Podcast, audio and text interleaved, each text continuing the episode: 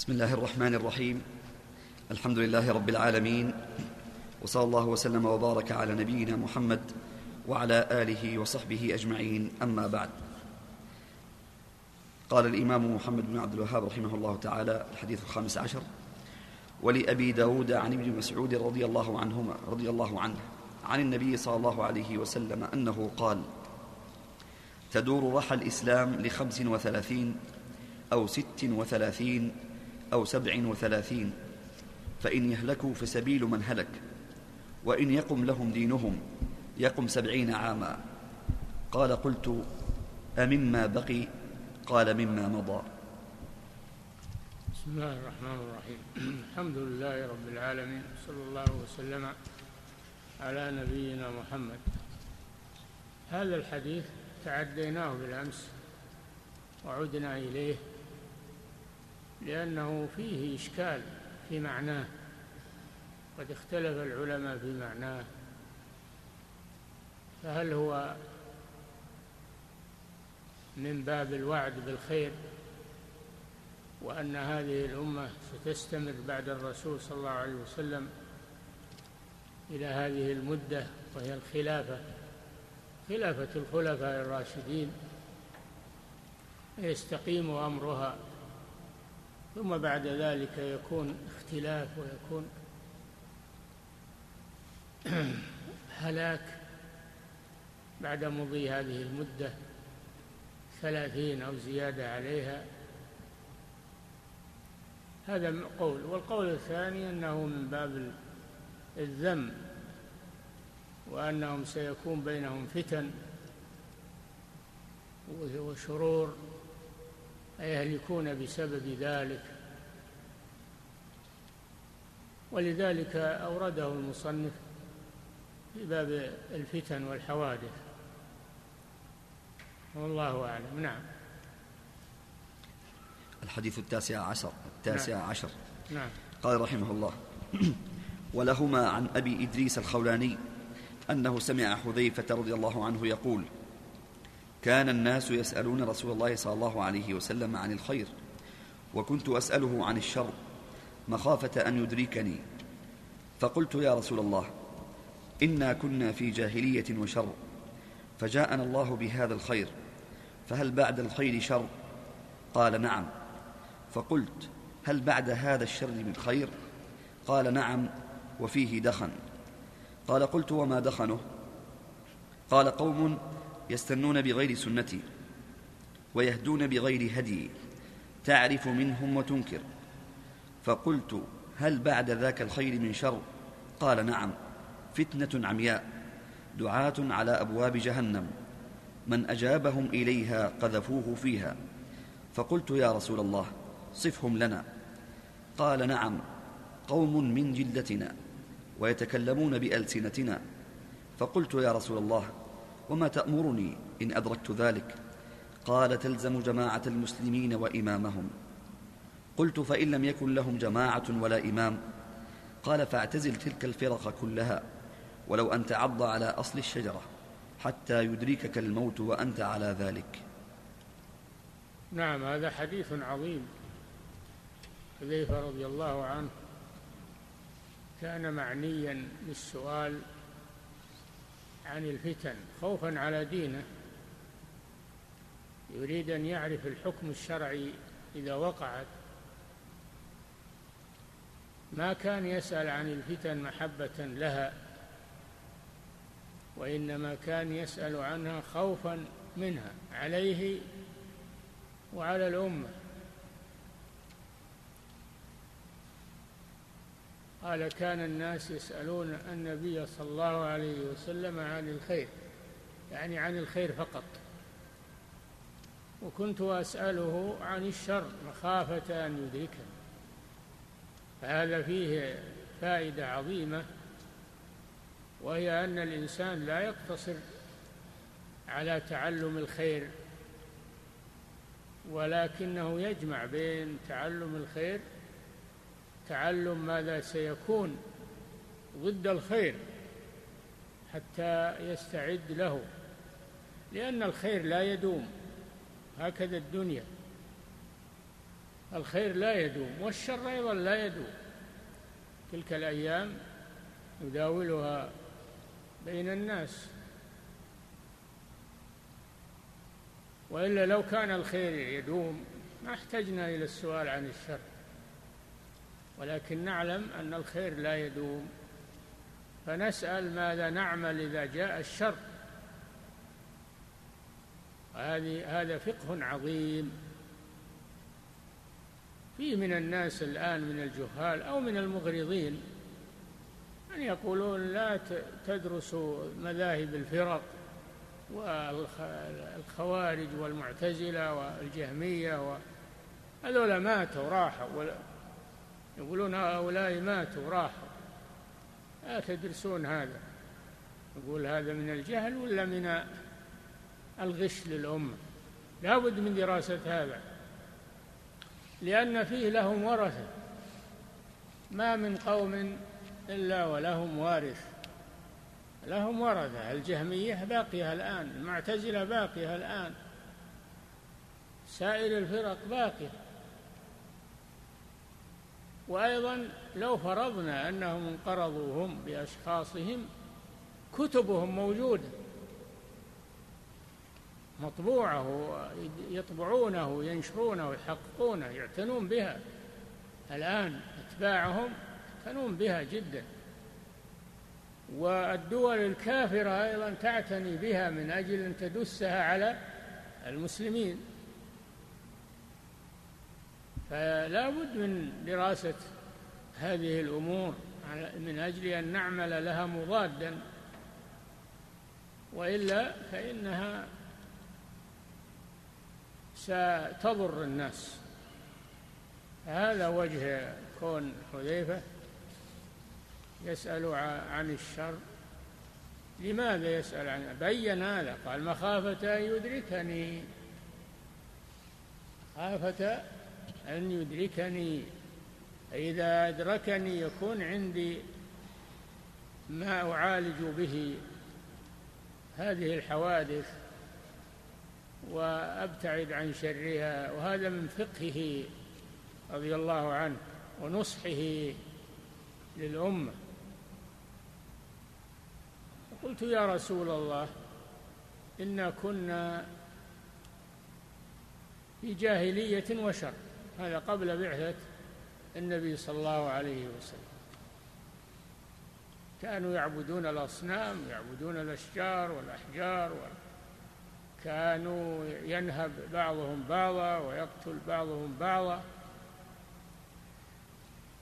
كانوا لا يتقيدون بالحلال والحرام يأكلون الربا يأكلون الميتات الجيف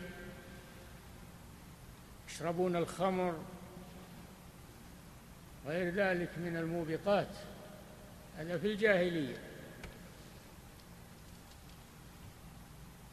ثم جاء الله بالخير بعث رسوله صلى الله عليه وسلم جاء الإسلام وأشرقت الأرض به. فهل يستمر هذا الخير؟ سأل حذيفة رسول الله صلى الله عليه وسلم. هل يستمر هذا الخير؟ هل بعد هذا الخير من شر؟ قال نعم.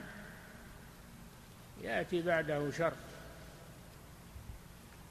قوم يستنون بغير سنتي ويهتدون بغير هدي. يكون عندهم يعني تعرف منهم وتنكر. يكون منهم تغيرات.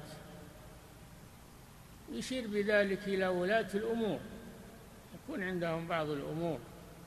بعض الأفكار بعض الشهوات والانحرافات إلا أنها لا تصل إلى حد الكفر.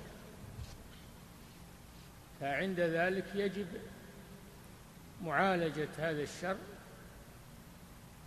ولا يسوغ هذا الخروج على ولاة الأمور.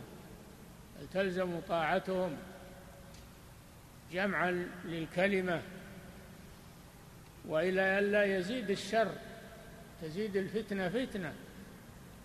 فبقاء ولاة الأمور وإن كانوا على غير المطلوب من كل جهة ما لم يصلوا إلى حد الكفر فبقاؤهم خير. خير للناس وممارساتهم عليهم هم وبقاؤهم خير للأمة.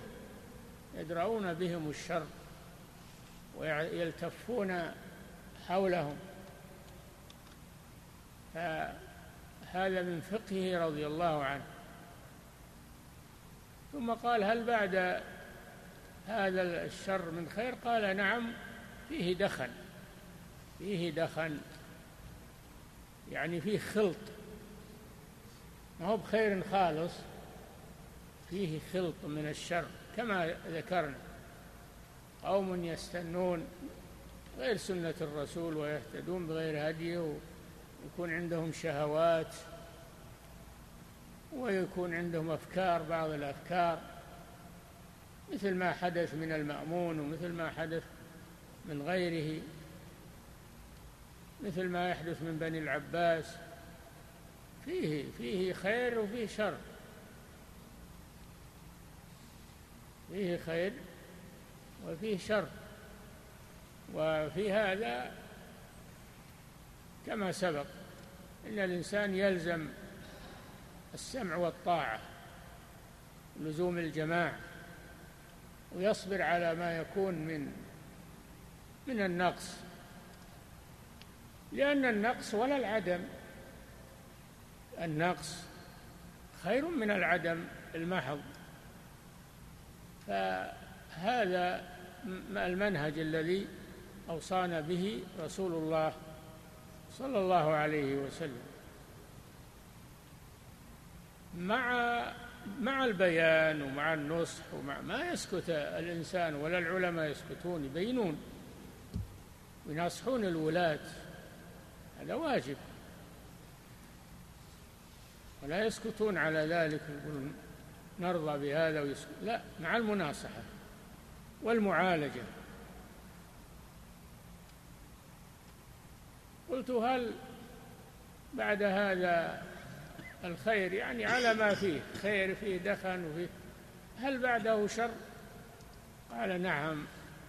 وهنا تأتي المصيبة هنا تأتي المصيبة دعاة على أبواب جهنم. دعاة يدعون إلى النار. كما قال الله جل وعلا أولئك يدعون إلى النار. والله يدعو إلى الجنة. الشيطان إنما يدعو حزبه ليكونوا من أصحاب السعير. كما أن هناك دعاة للخير هناك دعاة للشر. والناس أقرب إلى دعاة الشر منهم إلى دعاة الخير. لأن النفوس تميل إلى الفتن وتميل إلى الشبهات.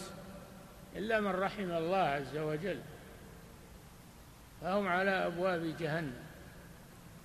بمعنى أنهم من اتبعهم يؤول أمره إلى جهنم لأنهم يضلونه ويغيرون دينه وعقيدته وأخلاقه فيعمل بأعمال أهل النار ويكون من أهل النار. بسبب دعاة الضلال دعاة الفتنة دعاة الشهوات. وما أكثرهم الآن يدعون إلى جهنم في كتبهم في قنواتهم في فضائياتهم. يدعون إلى جهنم. يشككون في الدين. يسبون أهل الخير. يسبون الصحابة ومن بعدهم. يسبون السلف الصالح ويزهدون فيهم كما لا يخفاكم. على أبواب جهنم.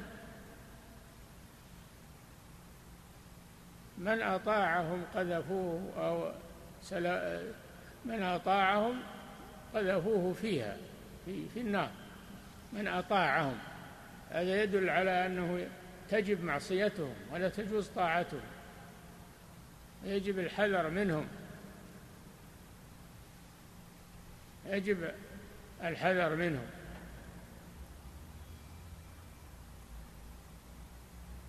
قال فما تأمرني؟ شوف الفقه. إذا وجد الشر ما تأمرني أن أعمل حتى أنجو من هذا الشر؟ قال تلزم جماعة المسلمين وإمامهم. ما دام أنه ما يزال للمسلمين جماعة وإمام ولي أمر على ما كان منه من تساهل من نقص. لا الإمامة لا تبطل. الإمامة لا تبطل في الإسلام بسبب ممارسات بعض الأئمة. ما داموا لم يكفروا فإنها تلزم طاعتهم ولزوم الجماعة معهم لأن هذا عصمة ونجاة من الشرور وارتكاب أخف الضررين لدفع أعلاهما معلوم. ارتكاب أخف الضررين لدفع أعلاهما معلوم. فوجود الخير ولو كان فيه نقص خير من الشر المحض. فتلزم جماعة المسلمين وإمامهم وإن كان هناك أشياء غير غير مرغوبة في المجتمع وفي الولاة لكن مع هذا تلزم جماعة المسلمين وإمامهم. لما في ذلك من النجاة والسلامة من الفتن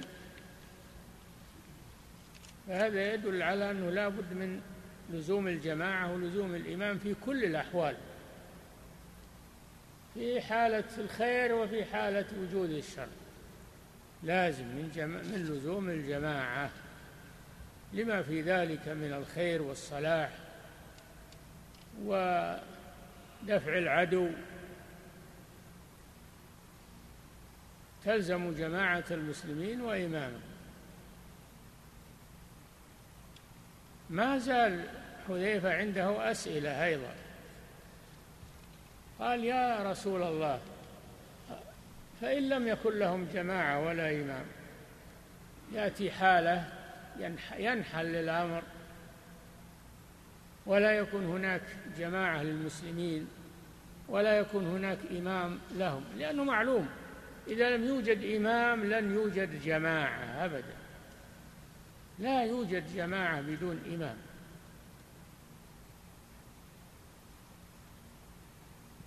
لا جماعة إلا بإمام ولا إمام إلا بسمع وطاعة. لكن قد يكون ينحل والعياذ بالله الأمر في آخر الزمان ولا يكون هناك إمام ولا جماعة. فماذا يعمل المسلم؟ هل يستسلم مع الناس؟ قال لا. اعتزل تلك الفرق كلها. لا تدخل معها. اعتزل الفتن وأهل الفتن خلك على حدة. والزم الحق ولو بنفسك ولو أنت وحدك. إلزم طريق الحق.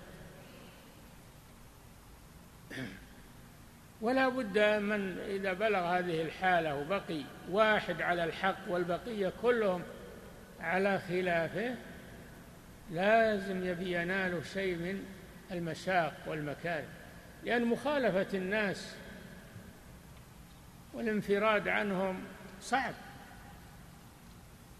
لكن هذا لا بد منه. إذا كان الناس على باطل فلا تكن معهم. ولو بقيت وحدك.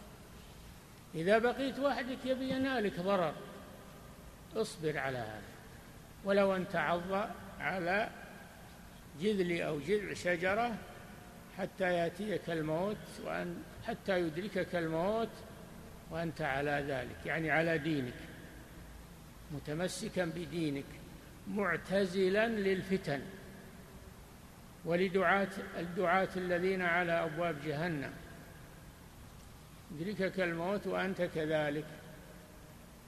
فتموت على الإسلام. هذا حديث عظيم. رواه البخاري وغيره.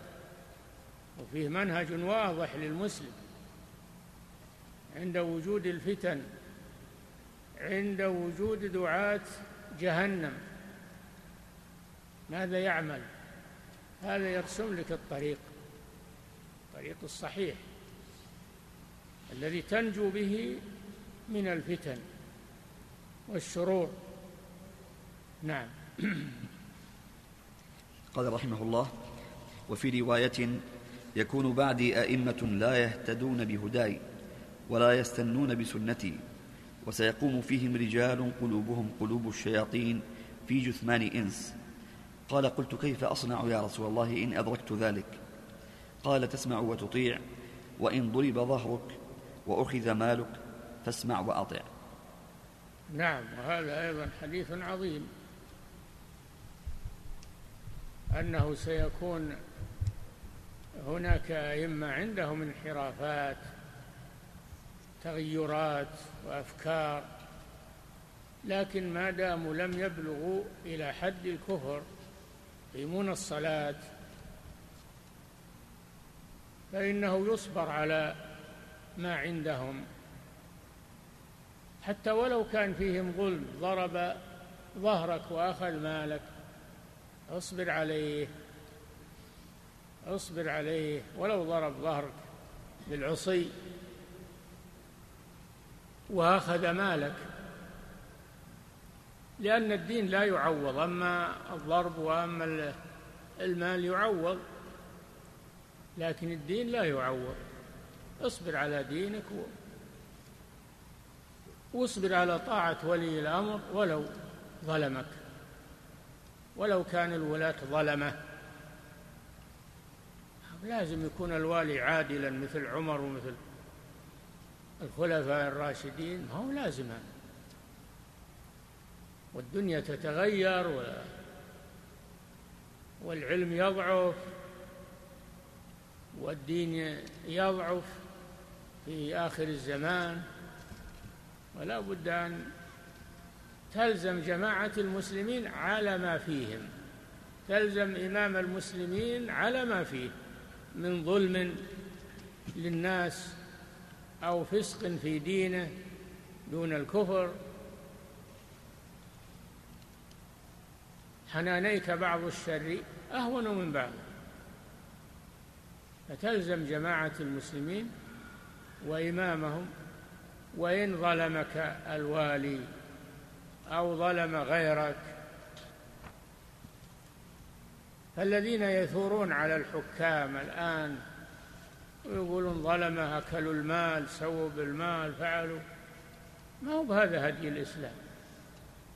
هدي الإسلام الصبر مع السعي بالإصلاح ما استطاعوا والصبر على ما يكون من المشاق. الصبر على ذلك.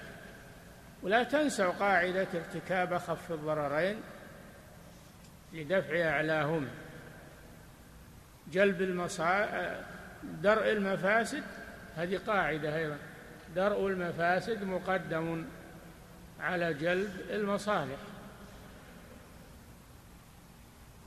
فهذه قاعدة عظيمة. في الإسلام.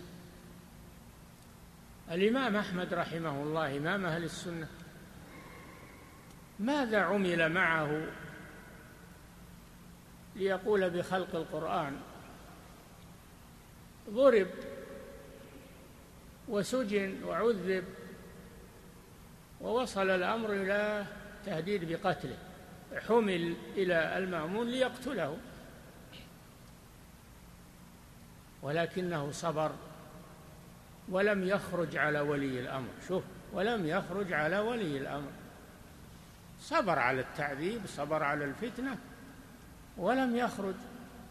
حاولوا معه أنه يخرج فأبى يقول الدماء الدماء.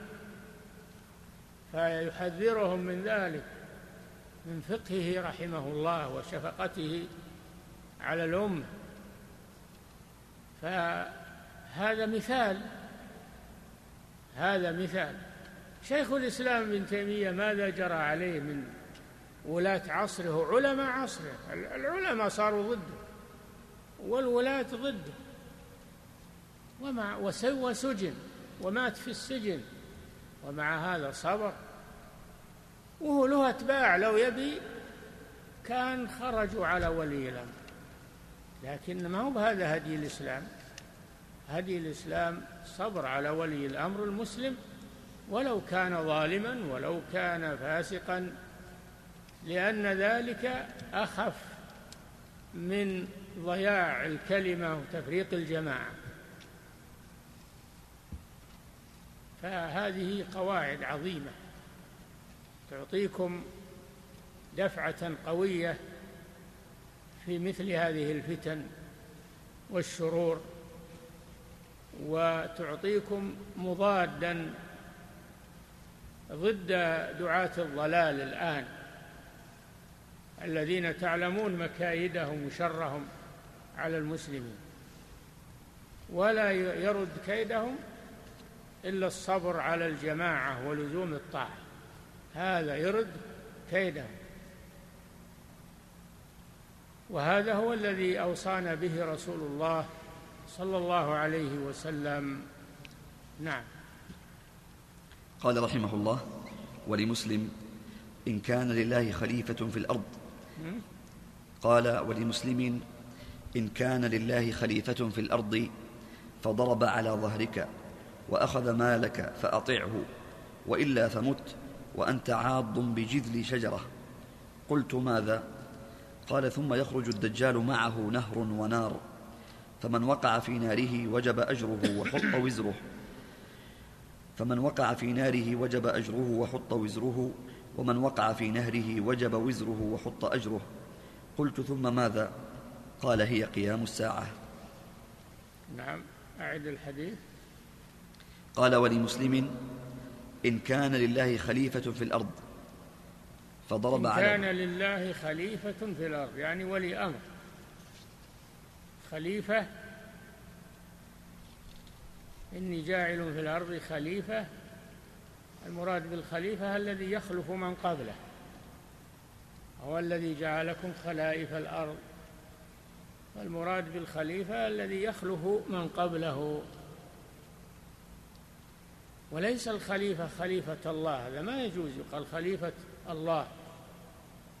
الله ليس له خليفة. سبحانه وتعالى.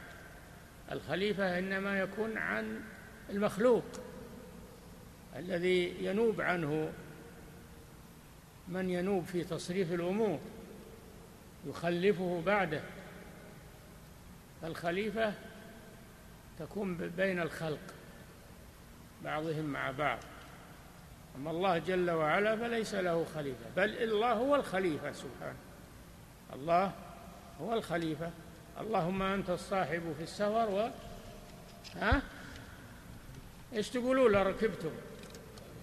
والخليفة في الأهل. الله هو الخليفة على أهلك يتولاهم ويحفظهم لك من بعد في غيابه الله هو الخليفة. والنبي صلى الله عليه وسلم قال إذا ظهر الدجال إذا ظهر الدجال فالله خليفتي على كل مسلم. الله خليفتي على كل مسلم. يعني أن الله يحفظ كل مسلم وقت ظهور الدجال. يكون خليفة للرسول صلى الله عليه وسلم. فلا يقال خليفة الله هذا غلط.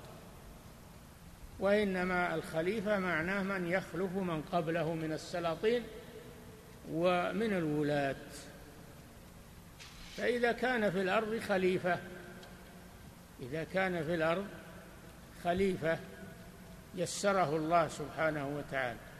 كان لله خليفة يعني أن الله جعل جعل خليفة في الأرض على ما كان من حاله كما سبق.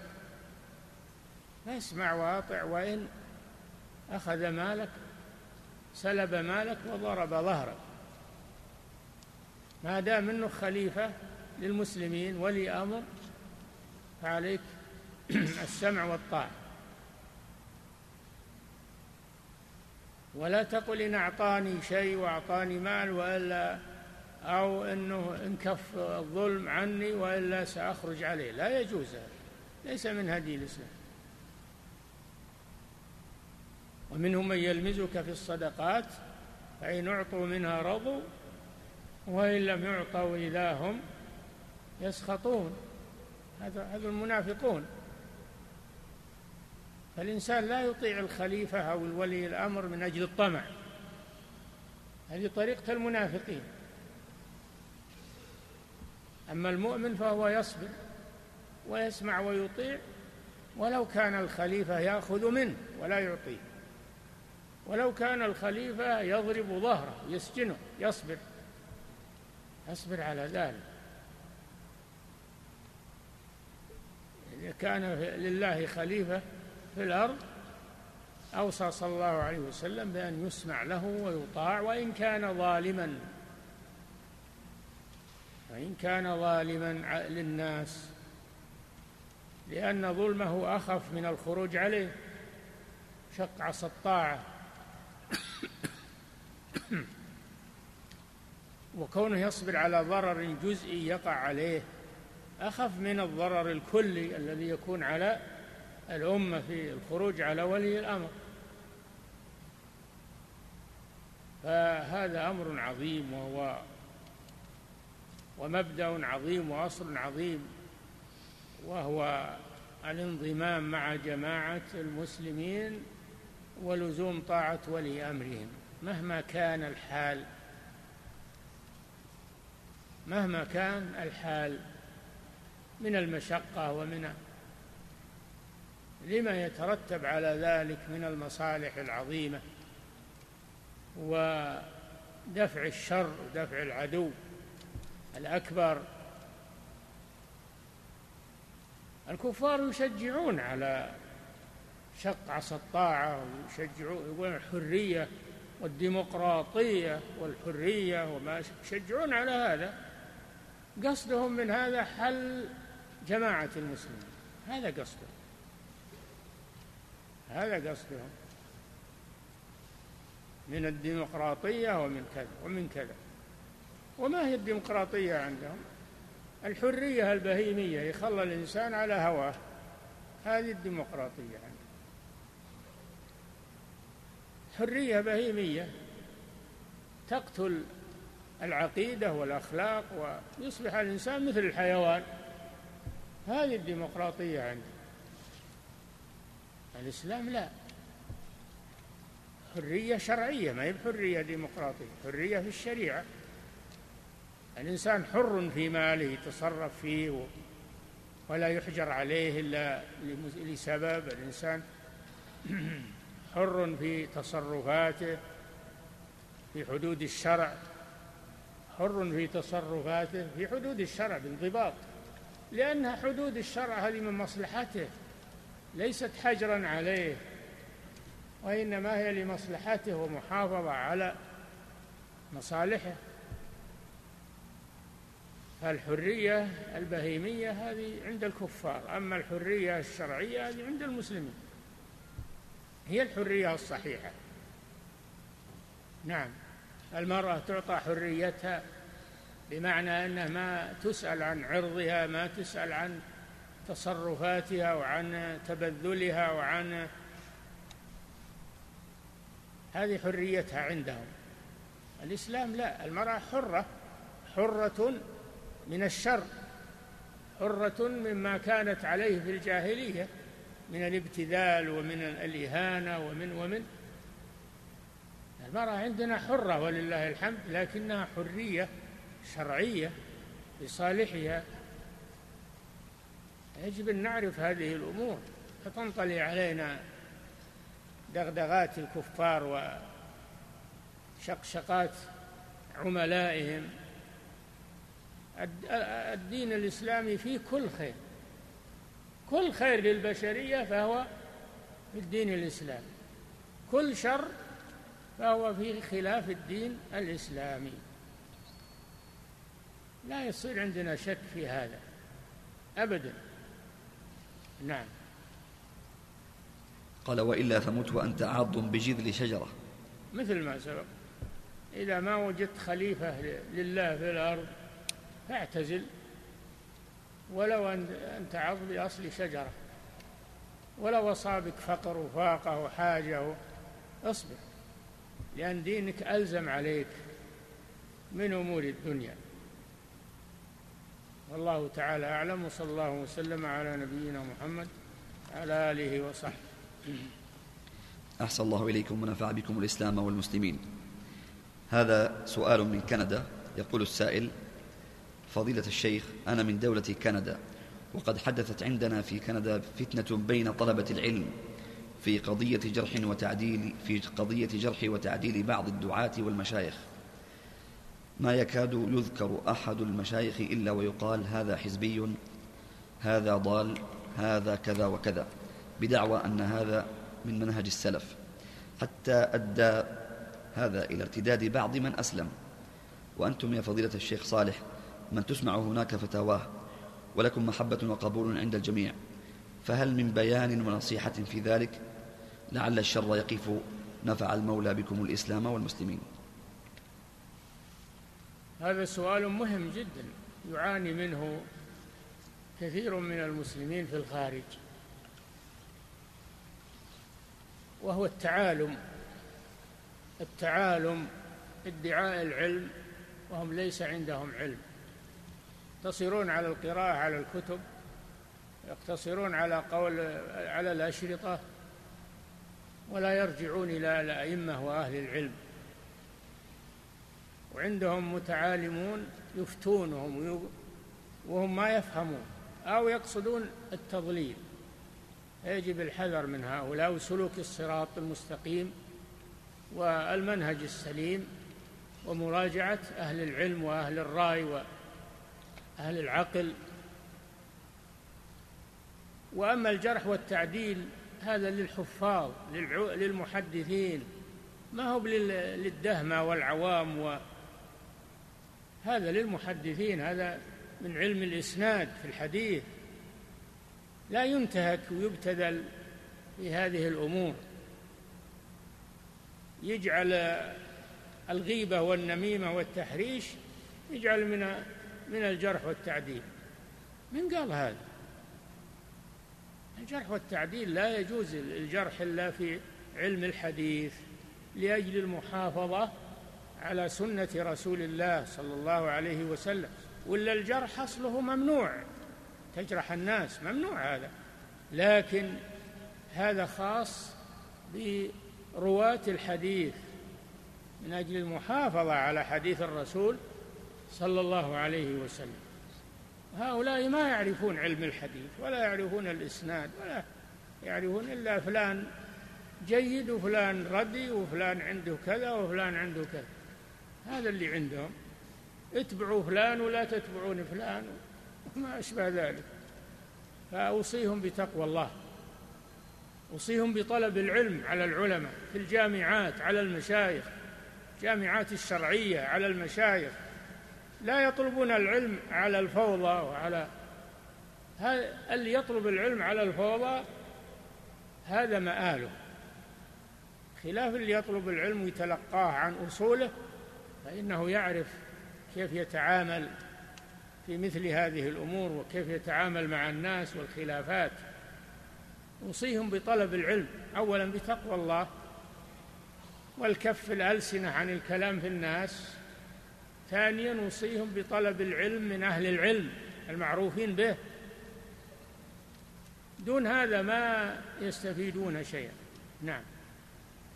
أحسن الله إليكم. وهذا سائل يقول هناك داعية مشهور له دعوة عالمية. يقول إن الله لا يقدر على كل شيء ويقول أنا أعلم ألف شيء لا يقدر عليه الله تعالى. فهل هذا من الدعاة إلى أبواب على أبواب جهنم؟ وهل يجب التحذير منه؟ هذا ملحد. اللي يقول الكلام هذا ملحد في أسماء الله وصفاته. ولله الأسماء الحسنى فادعوه بها وذروا الذين يلحدون في أسمائه. سيجزون ما كانوا يعملون. إن الذين يلحدون في آياتنا لا يخفون علينا. أفمن يلقى في النار خير أم من يأتي آمنا يوم القيامة؟ اللي يقول إن الله ليس على كل شيء قدير. سبحان الله. الله يقول الله والله على كل شيء قدير. كم آية فيها؟ الله على كل شيء قدير. إن الله كان على كل شيء قديرا. كم آية؟ ما حدد الله القدرة الإلهية. قدرة مطلقة. على كل شيء. كل شيء قدير. بكل شيء عليم. ما حدد سبحانه وتعالى.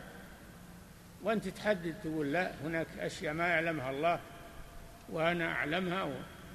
هذا من الإلحاد في أسماء الله وصفاته. وما كل داعية يكون على حق. اسمعوا كلام الرسول دعاة على أبواب جهنم. ما كل داعية يكون على حق. نعم.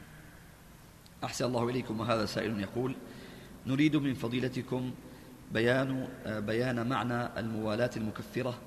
نعم. بيان معنى الموالاة المكفرة. وهل هناك فرق بين الموالاة العملية؟ الموالاة للكفار الموالاة للكفار معناها محبتهم في القلوب ومناصرتهم على المسلمين. مظاهرة مظاهرتهم على المسلمين. هذه الولاية المكفرة. من أحب الكفار ومن يتولهم منكم يعني من يحبهم أو يناصرهم فهو منهم. من يتولهم منكم فهو منكم. لا تتخذوا عدوي وعدوكم أولياء. الموالاة المكفرة هي المحبة في القلوب والمناصرة لهم في الأعمال. نعم. أحسن الله إليكم. وهذا سائل يقول ما حكم قول صدق الله العظيم بعد قراءة ما تيسر من القرآن الكريم؟ نحن في قراءة القرآن رسم لنا النبي صلى الله عليه وسلم آدابا تلاوة القرآن.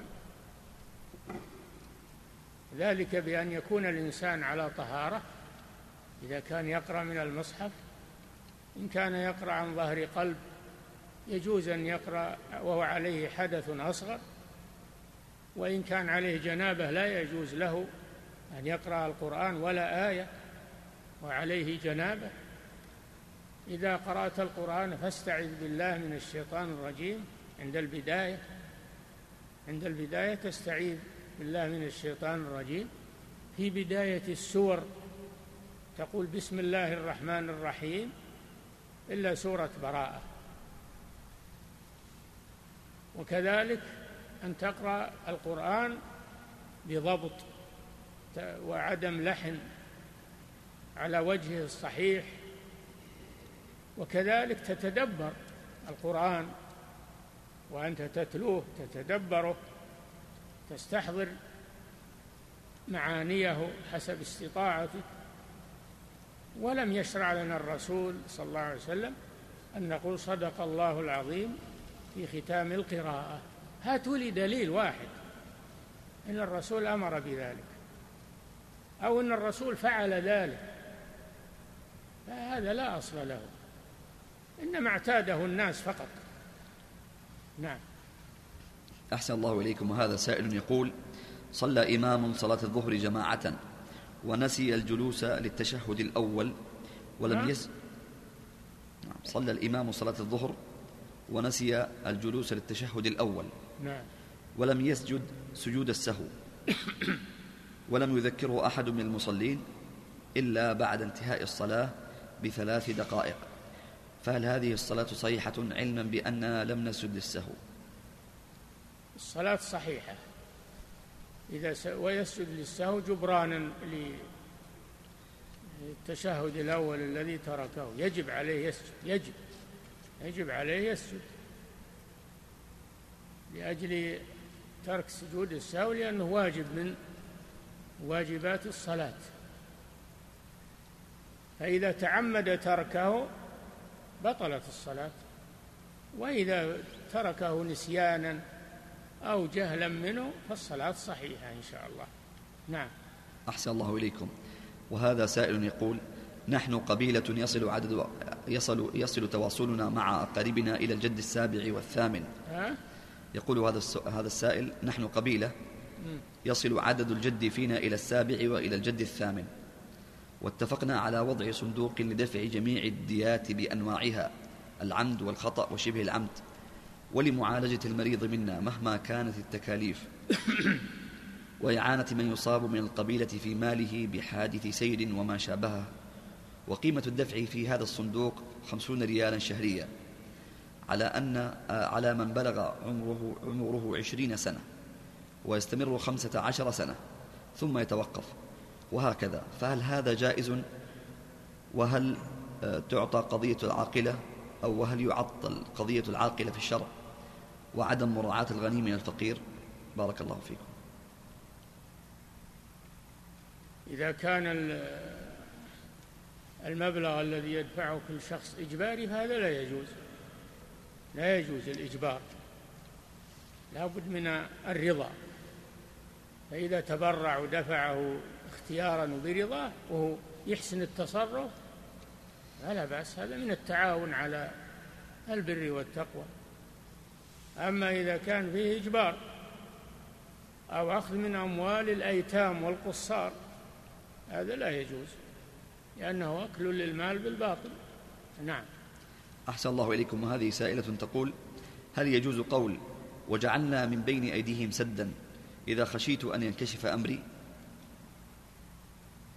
إذا كنت بين أعداء إذا كنت بين أعداء لك لا بأس أن تقول هذا بالدعاء. أما إذا كان بين مسلمين ليسوا أعداء لا تقل هذا. نعم. وهذه سائلة تقول هل يجوز أن أن أستودع أبنائي ونفسي وزوجي يوميا؟ طيب. استودع يعني تورد عليهم. يعني تورد بالأذكار الشرعية والدعاء والدعوات. هذا معنى الاستيداع الظاهر هذا هو. هذا لا بأس. نعم. أحسن الله إليكم. وهذه سائلة تقول هل يجوز أن أقول اللهم اكفنيه بما شئت؟ أقولها آه، بنفسي إذا خشيت من زوجي. تقول المرأة هل هل يجوز أن أقول اللهم اكفنيه بما شئت؟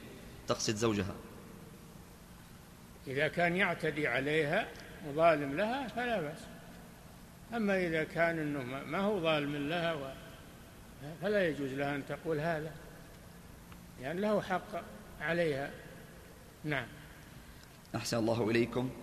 وهذا سائل يقول ما حكم من يقول إن الحرية أهم من تطبيق شرع الله تعالى. نسأل الله العافية. نسأل الله العافية. الحرية هي في شرع الله عز وجل. ما في حرية إلا في شرع الله. أما غيرها فهي حرية بهيمية جاهلية. فلا تناقض بين الحرية والشريعة. الحرية الصحيحة لا تناقض بينها وبين الشريعة. أما الحرية البهيمية والجاهلية نعم تناقض الشريعة. هذا من الكلام الباطل الذي لم يفكر فيه صاحبه. نعم. أحسن الله إليكم. وهذا سائل يقول رجل عنين هل يتزوج رجل عنين هل يتزوج؟ لكنه يستحي أن يخبر من يخطب له. لا ما يغش ما يجوز له الغش. كان عنين يخبر أنه عني وأنه يريد الزواج للخدمة. لا بأس أنه يتزوج لأجل الخدمة. يباح هذا تزوج امرأة وهو ما فيه شهوة تزوجها للخدمة لكن يعلمها بذلك. لا بأس. أما أن يخفي عليها فلا يجوز. نعم. أحسن الله إليكم. هذا سائل يقول إذا دخلت العشر الأولى من ذي الحجة ونويت الأضحية ثم ذهبت للعمرة في هذه العشر؟ قال إذا دخلت العشر الأولى من شهر ذي الحجة. أي. وكنت نويت أن أضحي. ثم ذهبت للعمرة في هذه الأيام العشر. هل عندما أنتهي من العمرة آخذ من شعري وأنا قد نويت الأضحية؟ نعم. إذا كان يتحلل من العمرة أو من الحج فإنه يقصر من شعرها ويحلق بقصد التحلل من النسك. أما إذا كان ما هو تحلل من نسك فيمتنع حتى يضحي. نعم. وهذا سائل يقول أنا أسكن بشقة للإيجار وهناك ما يقارب الخمسة أشخاص أو أربعة أشخاص غير مسلمين. ماذا علي فعله وكيف أهديهم؟ وكيف أهديهم؟ كيف؟ يسكن في شقة ومعه غير مسلمين. فماذا عليه أن يفعله وكيف يهديهم إلى الإسلام؟ يبين لهم مزايا الإسلام ويدعوهم إليه يوضح لهم ما هو الإسلام الصحيح. الإسلام الصحيح الذي جاء به محمد صلى الله عليه وسلم يدعوهم إليه. هذه فرصة له معهم. نعم. أحسن الله إليكم. وهذا سائل يقول هل العنفقة شعر تحت تحت الشفة السفلى من اللحية؟ إي نعم. العنفقة من اللحية. نعم. وهل يجوز تقصيرها؟ وإذا جاز تقصيرها؟ لا يجوز العبث فيها أبدا. من اللحية. توفرها مثل ما توفر اللحية. نعم. أحسن الله إليكم. وهذا سائل يقول انتشر في الآونة الأخيرة خاتم ويسمونه بخاتم التسبيح. انتشر في الآونة الأخيرة خاتم يسمونه بخاتم التسبيح.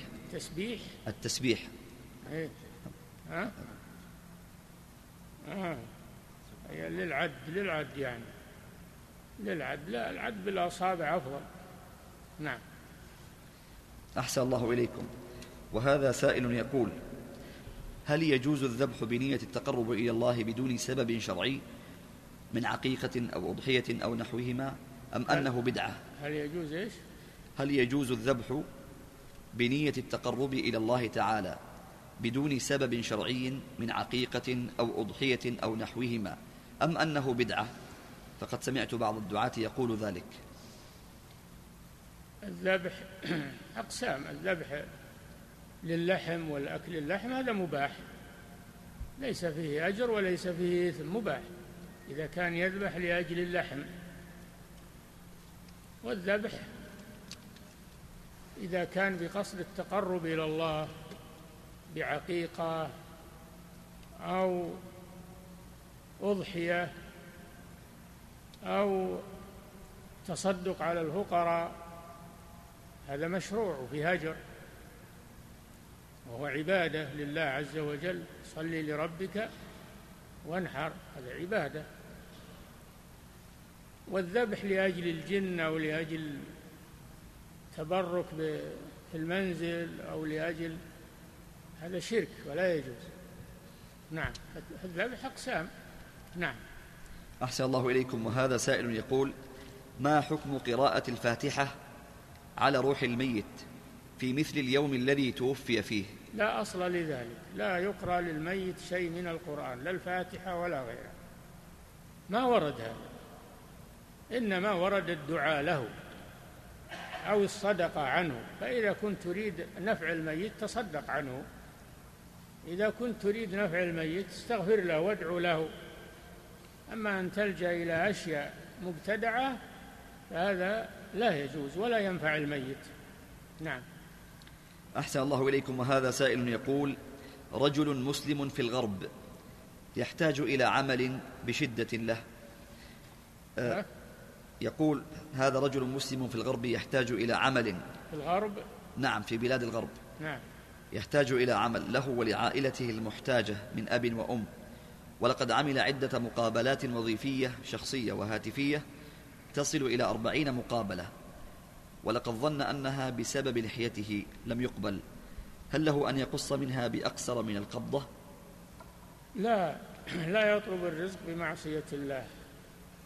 يتق الله ومن يتق الله يجعل له مخرجا ويرزقه من حيث لا يحتسب.